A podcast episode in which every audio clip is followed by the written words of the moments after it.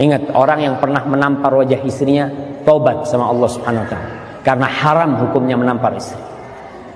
Rasul wasallam ketika ditanya tentang hak wanita, apa kata Nabi alaihi salatu wasallam?